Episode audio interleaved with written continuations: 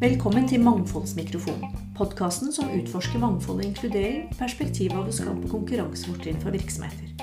Overordnet diskuteres dette fra et samfunnsperspektiv, men det betydningsfulle mangfold skapes på mikronivå. Rundt lunsjbordet, middagsbordet og i styrerommene. Jeg er Michelle Chinapen, og her deler bedrifter erfaringer og kunnskap om hvordan de lykkes med mangfold som en del av sin strategi. På tvers av mennesker, merkevarer og partnere.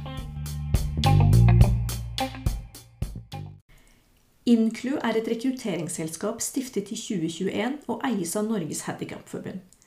De skal bistå næringslivet med å legge til rette for åpne, fordomsfrie rekrutteringer.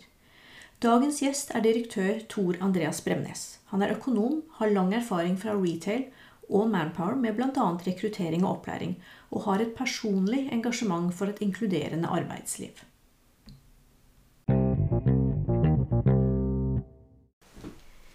Velkommen, Tor Andreas. Takk skal du ha, Michelle. Fra Inclu. Det stemmer. Ja. Og eh, jeg har veldig lyst til at du skal fortelle litt om Inclu først. Mm. Fordi det er nok en del som ikke kjenner til dette selskapet. Det stemmer. Vi er rimelig nye oppstarta. Eh, og litt av bakgrunnen det handler om at andelen personer med funksjonsnedsettelse i arbeidslivet har vært stabilt lav over de siste 20 årene. Eh, og da har Norges Handikapforbund funnet ut at dette må vi gjøre noe med. Så i 2021 så startet de arbeidet med å finne ut av er det rom for å ta inn et rekrutteringsselskap som jobber med personer med funksjonsnedsettelse som hovedbase. Eh, Og i 2022, i september, så kom jeg på plass, og da begynte vi å operasjonalisere hvordan vi skal jobbe med det ute mot markedet. Så vi er et rekrutteringsselskap eh, med fokus på å få personer med funksjonsnedsettelse ut i jobb og oppleve karriereutvikling. For det er ikke bare å komme inn, Nei. men de skal ha et arbeidsliv eh, i de neste 30-40 årene òg. Og da er det jo hvis du kan bare, eh, fordi jeg, jeg likte veldig godt i, eh, eller overskriften i selskapet 'Fordomsfrie og mangfoldige rekrutteringsprosesser'. Men samtidig så er det Det var et veldig sånn ambisiøst utsagn, da. Ja, det er det, og det er hele tida under utvikling. Og det gjelder jo rekrutteringsfaget som helhet. Ja, absolutt. Eh, Men det vi har gjort, det er at vi har plukket fra hverandre rekrutteringsprosessen. Og ser på en måte hvor er det mangfoldet faller fra. Men da spesielt øye på funksjonsnedsettelser. Ja. Eh, Og da har vi jo noen forskning som sier at vi kommer ikke til intervju. Eh, Og så ser vi at det er noen som tar personlighetstester som ikke er relevant for jobben, men som man ikke kan gjennomføre pga. syn, hørsel eller bevegelseshemming. Ja. Eh, Så har vi på en måte gått hele teksten igjennom og inngått samarbeidsavtaler med firmaer som også jobber med antidiskriminerende elementer. Ja. Så det, og vi kommer aldri til å komme i mål, og det er jo det jeg syns er litt gøy. Mm. For det må hele tida utvikles og jobbes med. Definisjon eh, fordi Vi snakket jo litt innledningsvis hvis vi kan gå på det, at eh, jeg var veldig opptatt av at før samtalen så skulle jeg vite liksom, hva er det jeg kan si, hva er det som er riktig, hva er det som ikke er riktig. Og jeg tenker Vi kan adressere det med en gang. fordi man er jo redd for å støte i denne samtalen, og det har jeg ingen intensjon om. Men du bruker selv et uttrykk som Og jeg stusset jo første gangen, så, var jeg, så jeg spurte deg jo eh, er det innafor. Liksom. Eh, å, å si det ordet. Men kan du si det? Fortelle litt om, eh, litt om den der tematikken knyttet til at folk er litt redde for å si feil. Det kan jeg. Det som er begrepet jeg bruker en del, det kalles funkis. Og det er jo et relativt nytt begrep i denne sammenhengen. Og det er mange som kjenner til begrepet fra f.eks. funkisbolig og sånn. Ja. Som handler om på en måte tilpassede boliger, spesielt for eldre. da er fokuset da. Men det handler jo for oss så handler det om tilgjengelige arealer, tilgjengelige skoler, tilgjengelige arbeidsplasser. Eh, og så er det sånn at når vi spør befolkningen hva er det du ser for deg når du tenker på funksjonsnedsatte, så er det ofte preget av ytelser, behov. Ja. Det er ofte preget av medisinsk tilfelle. Eh, hvor jeg mener at litt av skylden er jo interesseorganisasjonene selv, for det er det vi har måttet fokusert på. Ja. Eh, Og det er en viktig sak å fokusere på, men det gjør at vi sliter litt med å få solgt oss inn som ressurser. Ja. Og da føler jeg ordet funkis har en litt mindre medisinsk belastet tone. Og så vet jeg at interesseorganisasjonene har en debatt gående på begreper. Så er det ikke sånn at når man bytter et ord, så slutter man å, å diskriminere eller slutter å se på det negativt. Så man må også jobbe med holdningene knyttet til eh, målgruppen. Ja, at det blir for mye fokus på eh, sematikk da, istedenfor. Jeg har jo et tilfelle der selv hvor jeg hadde en diskusjon med noen hvor jeg sa at jeg er jo en kvinne av farge. Eh, altså en, jeg er jo ikke hvit, jeg er jo faktisk brun. Eh, og ser jo ikke det som noe nedsettende i det hele tatt. Og så korrigerte hun meg. Og så sier hun nei, det er du ikke. Og jeg bare jo, sist jeg så i speilet, er jeg jo faktisk det. Nei, du er melaninrik, sa hun. Og da kjente jeg at jeg ble helt Altså, hold Eh, Jeg er den samme, selv om hva enn du kaller meg, så er jeg fortsatt ikke helt hvit i huden. Så, så for meg så ble det også en, at det tangerer litt til det her. ikke sant? At vi må putte verdi i ordene mer enn at hva selve ordet er. Ja. Så er det jo det at du og jeg traff hverandre på Stortinget for første gang. Eh, og jeg ble veldig imponert over eh, Egentlig, hvordan skal man si Du er veldig direkte i, i budskapet ditt. Det syns jeg er kjempeherlig. Samtidig som du normaliserte ting veldig fint. Ja. Eh, litt det jeg ønsker, og det er at mangfoldsarbeid er jo ikke så skummelt. Vi avmystifiserer en del ting, og da jeg kjente meg veldig igjen i det du sa. Men kan du fortelle litt om hva som er, hva er status ute i markedet der, egentlig? I forhold til da mennesker med nedsatt funksjonsevne, eller mm. da eh, mennesker med funksjonshemning. Da, for å ta litt statistikken først, da, mm. så er det sånn at det er ca. 40% Det er 37,5 akkurat nå. Men rundt 40% av funksjonsnedsatte er i jobb. Mot 73-74% i den ordinære befolkningen. Ja. Så det vil jo si at veldig mange av oss ikke er i jobb. Eh, så er Som det over- kunne ha vært i jobb. som kunne ha vært. Ja. Og det, det er neste tall. Det er at det er 100 000 utenfor som vil inn. Og det er jo et helt vanvittig tall. eh, Og så er det ulike på en måte hvor mye de kan jobbe. Det er selvfølgelig noen, noen nyanser der eh, som man må vite om. Ja, i forhold til graden av Ja, så. Noen kan jobbe noe, noen kan jobbe fullt, noen har høyere utdanning, noen er ufaglærte osv. Mm. Eh, Sånn at vi må jo behandle de som individer, akkurat som man gjør ellers. Ja.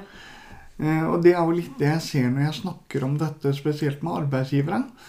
Eh, Så er det et bilde av at de funksjonsnedsatte de har noen utfordringer, ser de for seg. Eh, Og da går man litt inn på dette med antagelse, fordi at man har sjelden snakket med de kandidatene det gjelder, men man tar noen beslutninger basert på den informasjonen man har. Så hvis du har ti økonomer ved siden av hverandre, eh, så vet alle at de ti økonomene har ulike bakgrunner, ulike livshistorier, familiehistorier, ulike perspektiver.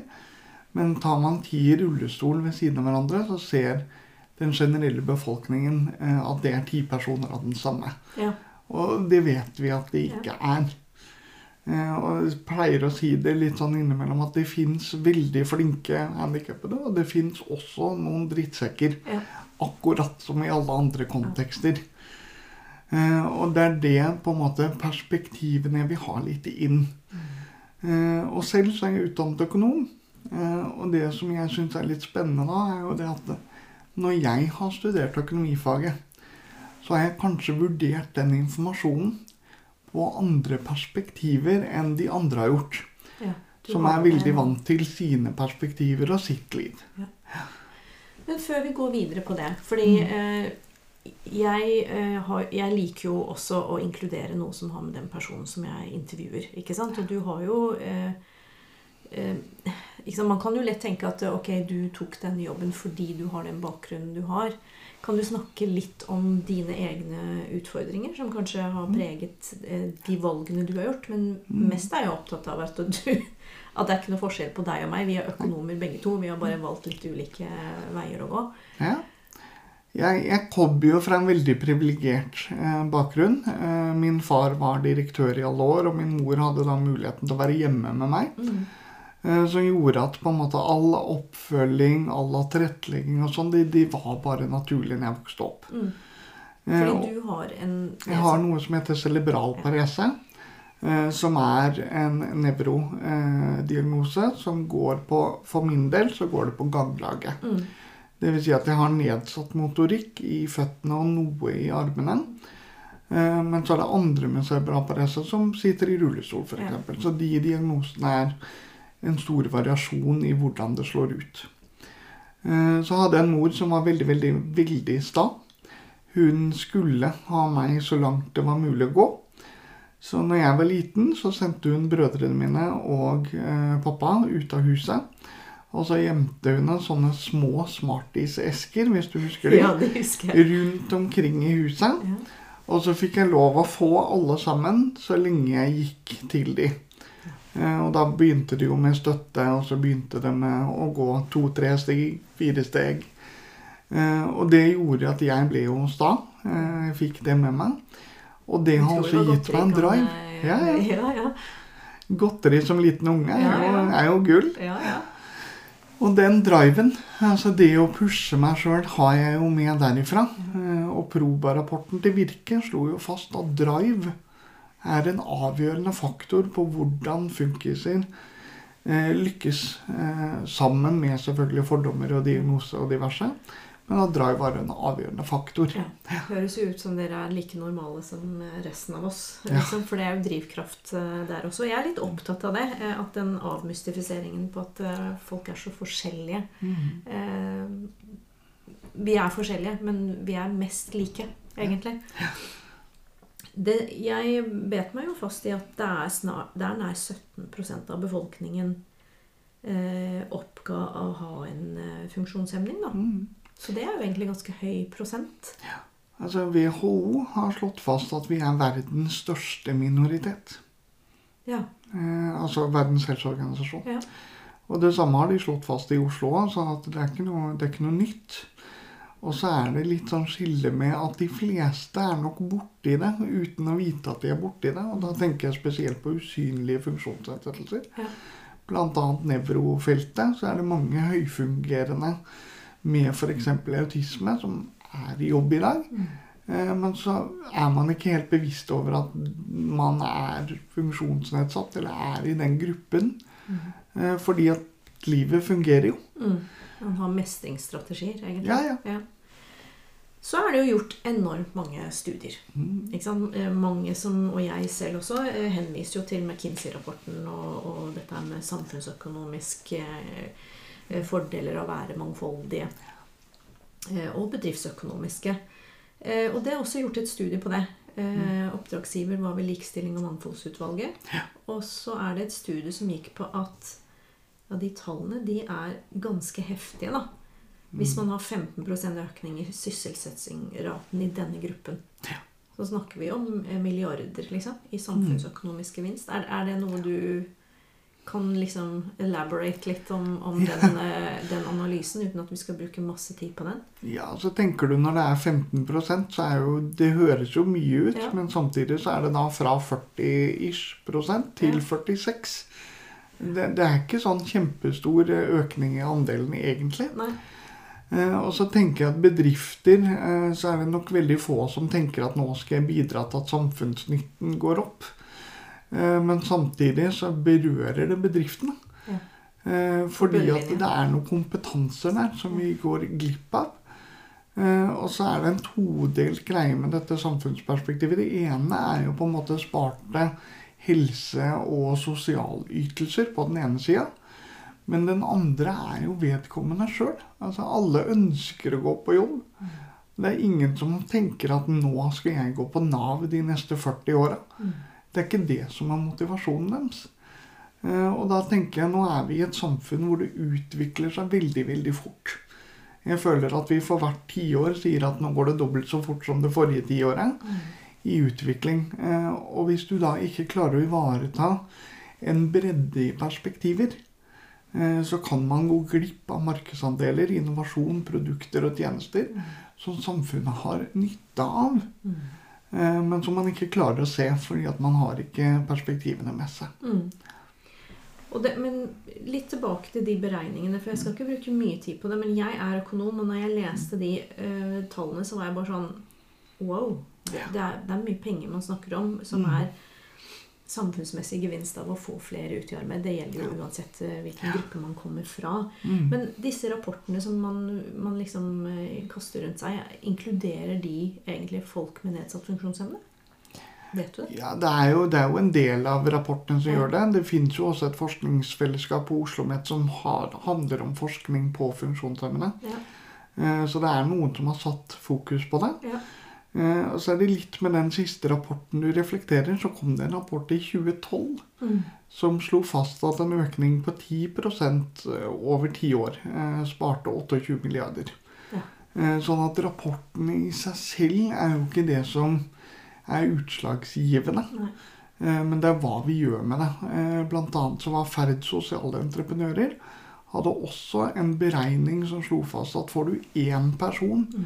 Fra utenforskap og inn i arbeidslivet eh, over, over livsløpet, Mm.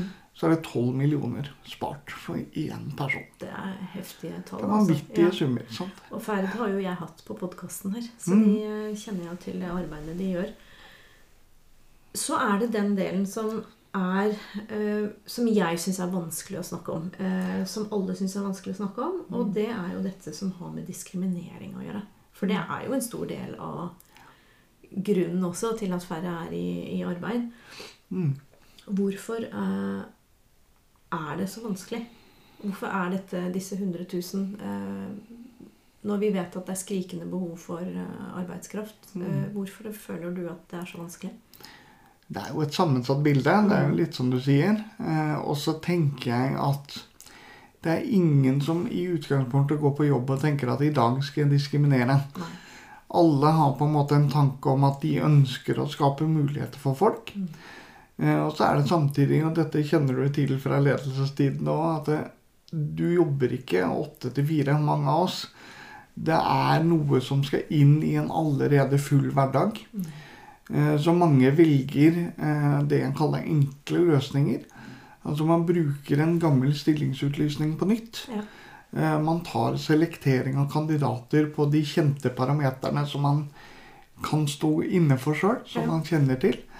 Eh, Så jeg har ikke noe mål om å drive sånn pekefinger, for jeg mener helt oppriktig at det er ingen som har som mål å, å gjøre det. Mm.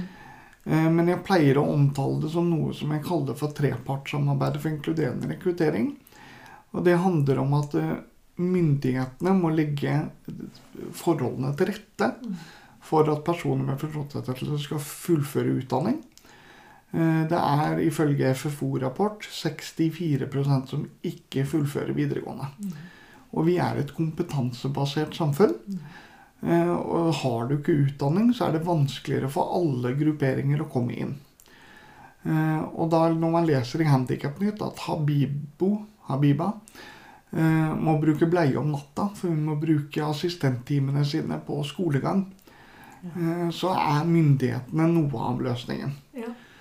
Eh, Og så går det på arbeidsgiver. eh, Så går det på det at man må tørre å se på andre perspektiver, på andre kvaliteter, litt mer enn vi gjør i dag.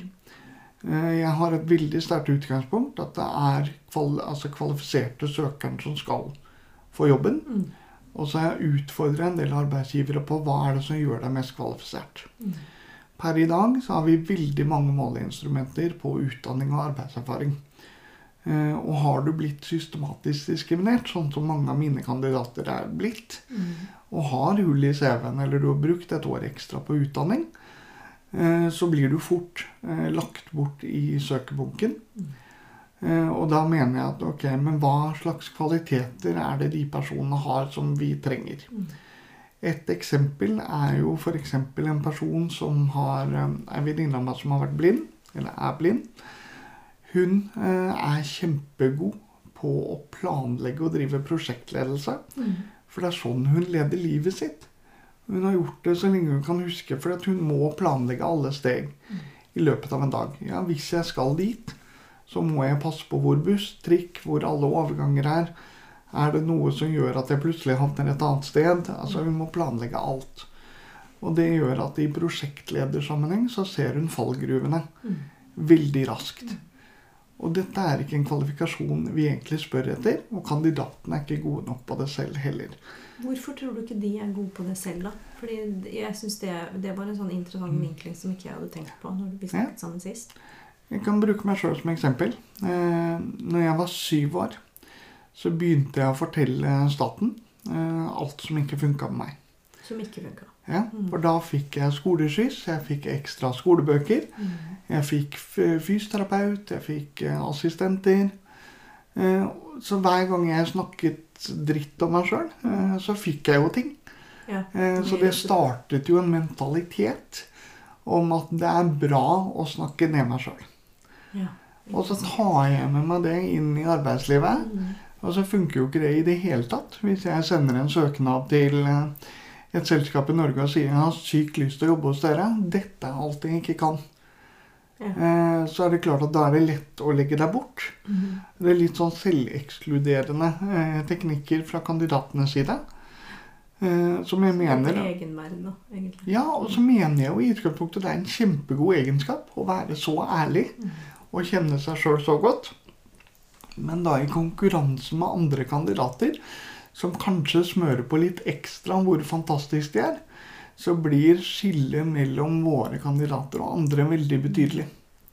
Så det å jobbe internt og holdningsskapende med, med folk i da, denne målgruppen også, Mm. og at de forstår at de kommer med noe til bordet Ja, Ja. og vi, vi kaller det rett og slett tilleggskompetanse, og jeg mener alle har det.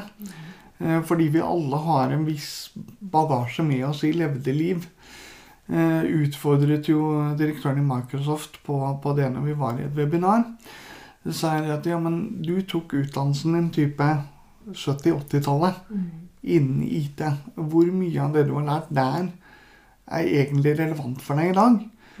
Grunnen til at du har fått jobben du er i, er jo fordi du har tilegna deg ny kunnskap. Du har bygget nettverk, du har eh, jobbet og fått arbeidserfaring, men du har også fått deg en del tilleggskompetanser som følge av det levde livet ditt. Mm. Eh, og jeg syns vi må bli flinkere til å snakke om det. Mm. Eh, og for å ta min tilleggskompetanse, da, når jeg har møtt disse hindringene gjennom livet mitt om igjen og om igjen, så er det det at jeg kan finne løsninger på fastlagte problemer veldig kjapt. For jeg er vant til å bevege meg rundt problemet Ja. eh, og finne en alternativ rute til mål. Mm. Mens jeg har kamerater som er vant til å stange i døra til den bryter ned. Ja. Så de har en standhaftighet. Mm. Og begge disse tingene er arbeidsrelevante. Men det er jo ikke det vi blir bedt om å svare på når vi søker på en stilling. Nei. Da er det arbeidserfaring, og så er det utdanning som er de to største. Ja, det har, jeg har jo eh, jeg har tenkt mye på det i forhold til du, eh, den samtalen som vi hadde sist. Men du er jo utdannet økonom. Eh, Du har studert i Bergen. Mm. Ja. Og du har også hatt en jobb som ikke er eh, innenfor det området med rekruttering Mm. eh, tidligere. Jeg har litt lyst til å ta med den, siden vi snakker om totalerfaring, eh, ta med den erfaringen som du har fra det. Mm. Ja, det var jo Hva skal jeg si? Som sagt, jeg hadde et privilegert liv. eh, Så det var aldri noe rush om at jeg måtte gå noen vei. Eh, Men jeg begynte faktisk ganske tidlig å jobbe på et møbelsnekkeri som ryddegutt. Eh, Og det var en kjempeerfaring. Veldig inkluderende leder. Litt snål, men men ålreit. Alle ledere er litt snåle. Ja, sant. Det er litt sånn. Eh, og så um, jobbet jeg i Mix og ble butikksjef der. Så jeg har alltid på en måte begynt på, en måte på gulvet og jobbet meg opp. Eh, og det er jo fordi at jeg går inn med en veldig tydelig drive. Eh, og det er også en av parameterne i forskningen, er at driven til individet også er til en viss grad avgjørende for hvor man kommer seg hen. Var det free sailing, eller møtte du hindringer underveis i forhold til Jeg møter alltid hindringer, eh, og hver gang jeg har byttet jobb, så er det 200-400 søknader før jeg kommer inn i jobb. Eh, Og det er fordi at de kjenner meg ikke. Så da slår disse antakelsene inn igjen. Og så blir jeg dømt på hva de tror jeg er, istedenfor å ta samtalen med meg. Eh, Så jeg jobbet meg fra bunn til topp i Mix. Jeg gjorde det samme i ICA, og jeg kom ganske langt på vei i Manpower før jeg gikk over til denne jobben. da. Ja. Og det er standhaftighet, rett og slett. Og så er jeg veldig glad i å få til ting. Eh, Så det å bruke tid på å skape resultater, det brenner jeg for. Du er entreprenør, har jeg funnet ut. Eh, ingen tvil om. Disse antagelsene Jeg, jeg eh, kan jo også falle i alle fallgrupper når det gjelder antagelser om, om ting. Eh, jeg har to voksne barn som i så fall eh, setter meg skikkelig på plass hvis det er feil. Så, og det har jeg veldig godt av. Ja. Men antagelsene har det med eh, manglende kunnskap. Eller er det holdninger også? Jeg tror det igjen har med at vi veldig, altså vi vil jobbe effektivt. Jeg tror det handler om det å bare sette det i bås, for da kan vi gå videre. Ja. Så igjen så tror jeg ikke det er en negativ ønske om å gjøre noe som er feil. Eh, Og så vil jeg jo utfordre også på det at hvis man er redd for å si noe feil, så tar man jo ikke diskusjonen. Nei. Og det er viktigere for meg at vi tar samtalen på, på feil premisser, og at man kan gå igjennom det sammen, enn at man ikke tar diskusjonen. Eh, og i forhold til antakelser så hadde jeg et møte i Bergen hvor vi snakket om dette at bedriftene trenger risikoavgrensning. Fordi at man, disse personene som da kommer inn fra min målgruppe med funksjonsnedsettelser, trenger da en del tilrettelegging og, eh, og veiledning. Sa jeg egentlig i den konferansen at jeg anser det som bullshit, men jeg skal forklare hvorfor. Eh, og det er fordi at hadde du tatt samtalen med kandidaten og blitt kjent med vedkommende og behovet til den personen, så er jeg helt enig. Da kan vi være med å legge et løp på hvordan vi skal tilpasse, og hvordan dette skal fungere bra. Men når de tar den beslutningen basert på at et ord som står i CV-en eller søknaden, så er det ikke risikoavgrensning, da er det diskriminering. Ja. Uhensiktsmessig diskriminering, men like fullt. Eh, Så ta heller den samtalen og finne ut av hva er det jeg kan eh, Hva er det du trenger for å lykkes i jobb? Og det spør jeg alle mine om uavhengig av funksjonsnedsettelser. Hva skal til for at jeg får det beste og det meste ut av deg når du er på jobb? Spiller ikke noen rolle om du er funkis. Men det spiller noen rolle at jeg legger til rette for at du lykkes. For da får jeg det samme tilbake. Ja, Man gjør jo de tilretteleggingene i forhold til eh, småbarnsforeldre og mammaperm og graviditet og Jeg kastet jo opp i åtte måneder i begge mine svangerskap. Og jeg husker jeg satt jo faktisk som eh, marketingsjef på mobil under første svangerskap. Og da var arbeidsgiver Jeg ville jo fortsette å jobbe, selv om jeg kastet opp sikkert 30 ganger i løpet av en dag. Men da var arbeidsgiver så søt at eh, han, når jeg sa at jeg må ha pulten min nær toalettet så, men, men det er jo egentlig så enkelt. Mm. eh, For noen. ikke sant? Og så er det noen tilpasninger. Er det slik at det er vanskelig For jeg er litt opptatt av uh, å gjøre ting enkelt. Mm. Og jeg jobbet jo på et prosjekt som jeg snakket om eh, for Nasjonal kompetanse for læring og mestring, het det vel den gang. Mm. Eh, og da var det å lage et familienett som var for familien med barn med nedsatt funksjonsevne. Og det som jeg syntes var veldig frustrerende, var jo nettopp deres frustrasjon. Og det var at hvor finnes denne informasjonen? Du skal jo nesten ha en doktorgrad for å finne fram i all den informasjonen, for den er jo ikke alltid logisk på ett sted. Er, det litt vanskelig for eh, arbeidsgiver å navigere seg i dette her? Er det noe man kunne gjort da i forhold til myndighetsdelen, altså informasjonsdelen? Jeg er enig i at det kan være vanskelig, og så er jeg litt sånn utfordrende på om man sier det er for vanskelig og derfor la være Skjønner. å prøve. Mm. Så det er et element i det også. Ja. Men hvis det er sånn at man skulle komme til et punkt hvor man da lurer på hva gjør vi, eh, så er jo det noe vi kan, eh, og som vi har lært oss opp i. Og så vil jeg også utfordre på at de fleste som er med funksjonsnedsettelser, kjenner også sin egen verktøykasse. Eh, veldig bra. Eh, så jeg mener egentlig dere kompliserer ting. Eh, for jeg mener det er kun ett svar, eh, og det er nysgjerrighet med respekt. Eh, For hvis du da kommer og spør hva skal til for at du lykkes, eh, så får du ofte et godt svar. Eh, Spesielt fra oss, som er vant til å se oss selv under lupen hele tida. Det er sånn vi har vokst opp. Ja. Eh, Så da kan vi det, og så kan vi fortelle det. Men hvis du da istedenfor å si ja, du må vel ha en sånn og sånn skjerm, eller du må vel ha en sånn og sånn pult Nei, det har ikke du noe med. Det vet ikke du noen ting om. Kan Hvis du isteden kommer og spør meg hva trenger du, Ja. Og Så- kan man spørre om det allerede i, under intervjuet? Er det lov? Jeg hadde en eh, leder som kom til meg etter en foredrag, og så sa han ja, men kan jeg ikke lenger spørre om tilrettelegging? Mm. Og da hadde jeg to spørsmål. Det ene spørsmålet var om tilrettelegging var hensikten med intervjuet. For det er da jeg mener det blir feil. Da får man noe som heter problemintervjuet. Ja. Hvor da kandidat 1 uten funksjonsnedsettelse får lov å fortelle hvordan han eller hun elsker denne jobben, hvordan de kan bidra til et godt arbeidsmiljø og til å gjøre jobben ferdig. Mens vår kandidat da må svare på f.eks. den regnskapsføreren som ble spurt første spørsmål hvordan kommer du deg på do? ja, det leste jeg om at du skrev i, Mm. var i et intervju. Så dette er en person som har kommet på et intervju Mm. for en jobb, Mm. og spørsmålet er hvordan kommer du deg på do? Ja, Ja. Først så var det sånn Kan du fortelle litt om deg selv og hei og velkommen? Men så var det en gang hvordan kommer du deg på do? Ja. Og det, så kan man på en måte i visse tilfeller skjønne nysgjerrigheten. Eh, og så tenker jeg at det, det er jo ikke relevant for jobben. Litt sånn som når du var gravid, så Mm. måtte du ha nærhet til do. Mm. Ja, men da fikser man eh, det. Mm. Eh, og så tenker jeg at la oss ta den samtalen når vi faktisk er blitt kjent med hverandre. da. Mm. Mm. Når du er blitt ansatt, så kan vi gjerne spørre eh, litt mer personlige Mm. spørsmål. Eh, men når fokuset blir tilretteleggingen, så blir det en forskjellsbehandling i hvordan man anser kandidaten en. Og da igjen lettere å legge vekk han som da, selv om han kom seg på do, eh, har brukt all tiden sin til å forklare det istedenfor faglig kompetanse. Mm. For de er jo kvalifisert når de kommer til intervju. Og da må de få lov å fortelle om sin kvalifikasjon også, og motivasjon, ikke minst. Altså Arbeidsgiver må i sin rekruttering bli litt flinkere til hva er det som er relevant versus hva som ikke er relevant. Mm. Eh, og så kommer tilrettelegging i etterkant. Ja. Det er det du egentlig sier. Ja, altså Gjerne som en del av intervjuet, men på en måte som nettopp det. Som en del. Mm.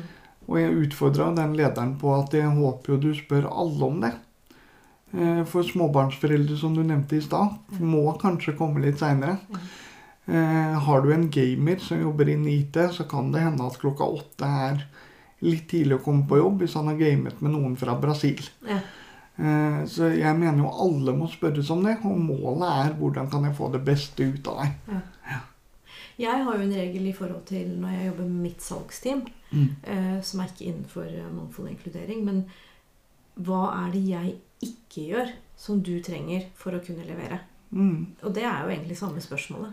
Ja. Eh, så ja. Og Hvis du da snur det en gang til, eh, så pleier jeg å spørre i medarbeidersamtaler hva er det du er god på som du ikke gjør i dag? ja. For å, for å låse opp potensialet hos alle medarbeidere. Hvilke kompetanser er det vi ikke bruker? Mm. Ja, Som du sitter på. Ja, veldig godt spørsmål. Det er jo eh, Jeg har skjønt at dere har inngått noen samarbeidsavtaler med selskaper. Eh, Er det ett et av stegene videre? Det er ett av stegene.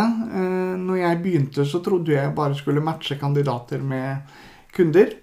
Eh, Og det er jo det jeg kommer fra i Manpower. Eh, Men det jeg innså, er det at det trengs nok en del holdningsskapende arbeid knyttet til å forstå både det å hente ut potensialet i medarbeiderne, og så ta vekk disse ekskluderende elementene i rekruttering. Så nå er det 50-50 eh, rekruttering og kurs og foredrag. Eh, Men de stegene handler jo om at man må gjøre noe forpliktende samarbeid for å bidra til at disse personene kommer inn i jobb og opplever karriere. Mm. Og da er det noe vi lanserer nå i disse dager, eh, som heter sertifisert fordomsfri rekruttering. Hvor bedriftene kan eh, få gjennomgang av rekrutteringsprosessen, både teknisk, men også i forhold til ekskluderende elementer som preges av mennesker. Mm. Altså type selektering. Eh, og så på en måte gå igjennom hva er det som faktisk skjer når vi kjører en rekruttering hos dere. Mm. Og det er fordi, som jeg sa innledningsvis, det er ingen som ønsker å diskriminere. Så vi må finne ut av hvor det skjer. Jeg tror som bedrift, altså jeg har jo vært, eh, jeg har jo vært eh, direktør for et IC-selskap, og, og når man er presset på marginer, for det husker jeg jo at vi var, Mm. så velger man jo ofte korteste vei og raskeste løsning. Altså i veldig stor grad eh, Mm. når man er presset på det. Ja. Det slår meg at veldig mange Jeg jobber jo med selskaper som snakker om mangfoldspolicyer og mangfoldsstrategier og eh, mangfoldsledelse og Mm. ja. eh, det kan virke som da den ikke alltid inkluderer mangfold knyttet til funksjonsnedsettelser. da. Vi, vi er tidlig i startgropa, tror jeg. Eh, Så nå er det sånn på mangfold så har man ganske godt eh, hold på dette med kjønn. Ja. Man har begynt å få en del hold på etniske minoriteter. Man har begynt nå å snakke om seniorene. Eh, Og jeg tror nok vi er på det punktet med funksjonsnedsettelser at vi er på kvinnekampen 70-tallet. Skjønner. Så vi er nå på vei til å begynne å brenne BH-er og gi beskjed om at vi er ikke enige. Nå må det skje noe. Ja. Eh, Og vi har en vei å gå. Og jeg mener vi kan ikke forhaste det. Eh, Bedriftene må ingenting.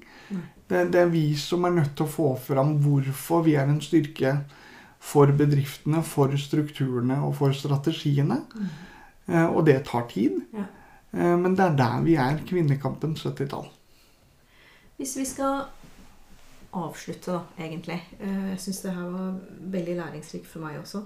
Hvordan er det vi Hvilke råd vil du gi da til, eh, til Det er to ting. Det ene er hvilke råd vil du gi for å sikre at man er ikke-diskriminerende i rekrutteringsprosessen? Det er selvfølgelig å bruke dere også.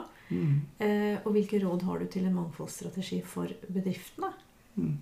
Ja. Så tar det første først, da, i forhold til Ja. eh, rekruttering. Fordi det er jo noe som veldig mange selskaper, i hvert fall på etnisitet, på Mm. religion, på legning, sånne ting, har vært veldig opptatt av. Mm. Og hvis du ser på strategiene rundt rekruttering, så er de også veldig ofte veldig gode. Eh, og så vet man at det er ledere og avdelingsledere som ansetter, som ikke har den tiden som HR har eh, til å gjøre det. Og så er ikke HR stor nok til å være med på alle prosesser heller. Eh, så mitt første tips det er å være mer spissa på hva jobben skal være.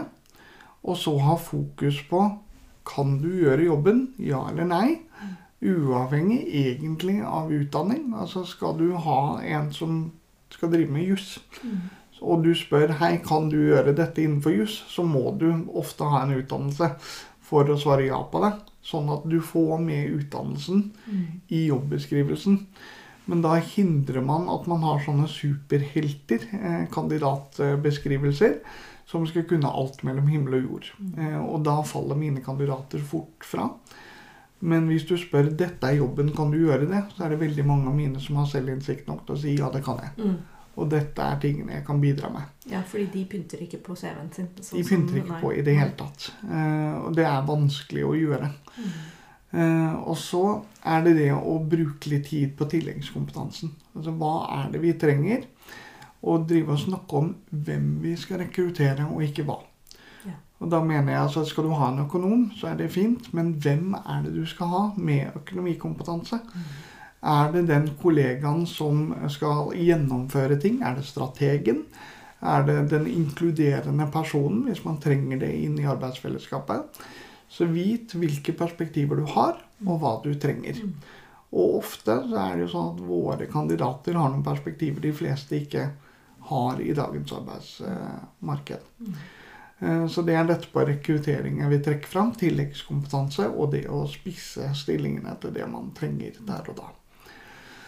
Eh, Og så var det i forhold til mangfoldsstrategier, så er dette litt sånn ullent tema. Det er kjempeullent. Ja. og vi snakker jo også mye om interseksjonalitet. sant? Eh, Så eksempel jeg, tilsynelatende, ser du meg på et webkamera, så er jeg en hvit mann som nærmer meg 40, eh, og som har levd et veldig privilegert liv. Og hvis du zoomer ut, og du ser jeg kommer inn i et rom, så ser du både at nå har en funksjonsnedsettelse. Følger du meg på sosiale medier, så får du med deg at mannen min heter Thomas. Mm. Så det er så mye perspektiver hvis du bare klarer å eh, hva skal jeg si, trimme løken og bare ta av lagene. Så jeg pleier å si at hvor ofte trener du på din sjette sans? Altså hva er ditt sjette inntrykk, ikke førsteinntrykk? For førsteinntrykket treffer meg veldig lett samme sted, uansett hvem jeg møter. Så skal man da måle på sånne mangfoldsstrategier, så må man først og fremst eh, I staten så holder det ikke med å si at vi skal ta en inn på intervju. Det må være noen trykk, noen perspektiver som gjør at du skal ikke bare ta dem til intervju, du skal faktisk ansette dem. Ja. Eh, Det er på en måte nummer én på statlig sektor. Når det kommer til eh, privat sektor så står de sånn sett friere i forhold til kompetansekrav og sånn. Men da er det sånn måling opp å bruke f.eks. medarbeiderundersøkelsen. Og oppleve, hvis du ser deg som en minoritet, hvordan opplever du å bli sett, hørt? Hvordan opplever du karriereutvikling? Og måle det. Og jeg skal garantere deg at det er flere som definerer seg som minoritet, enn du er klar over på dette feltet.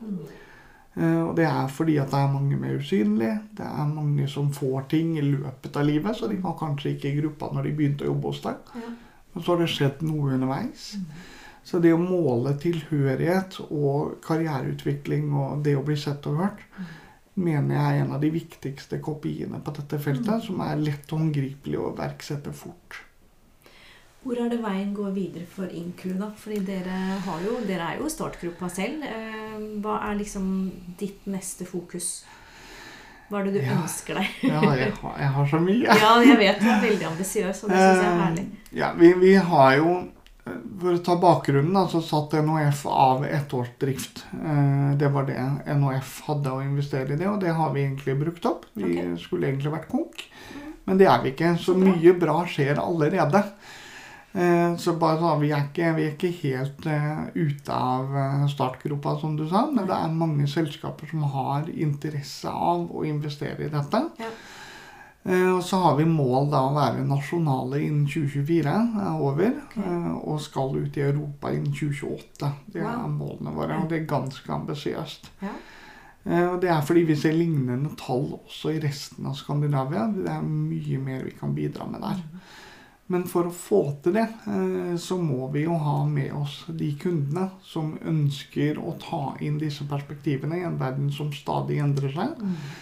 Eh, og vi har plass til mange flere, selv om vi jobber mye i dag. Eh, så er det sånn at det er så mye potensial der hvis du ser de flotte folkene som er i kandidatdatabasen vår. Så det å få de folkene ut, det skaper jo synergieffekter. Mm. Og bruk de ressursene som de kandidatene sitter på. Altså Ikke bare la de gjøre alt som alle andre gjør hele tida. Altså dette med assimilering. Men å faktisk si at du har noen nye perspektiver. Hvordan kan vi bli bedre som selskap enn vi er i dag? Og da tenker jeg at jeg gleder meg til å legge ned på et eller annet tidspunkt, fordi at bedriftene da har mentaliteten med seg selv. Det var fine mål for 2024. Mm. Eh, Et av mine kjepphester har jo vært eh, ønsker norsk næringsliv virkelig å gå glipp av den kompetansen som ligger i den totale arbeidsstokken, eksisterende arbeidsstokk i Norge. Og det tror jeg ikke de ønsker. Det tror ikke jeg. Eh, Så da tenker jeg at vi avslutter der med at det har vi som felles mål. Det har vi. Tusen Takk skal du ha. hjertelig takk for at du kom i dag. Og takk for at du inviterte. Takk for at du lytter. Del gjerne, så verdifull erfaring og praksis kan nå andre som er i ferd med å navigere seg innen dette området. Hvis du ønsker å starte prosessen i egen organisasjon eller ta eksisterende arbeid videre, ta gjerne kontakt. Kontaktinfo finner du i podkastbeskrivelsen. Det er kun ved å delta aktivt på samtalen at du kan være med på å drive positive endringer. Uansett hva mangfold betyr for deg og din organisasjon. Det er kun ved å dele at vi aktivt kan gjøre hverandre gode og gjøre læringskurven brattere. Jeg ønsker å etterlate positive fotspor.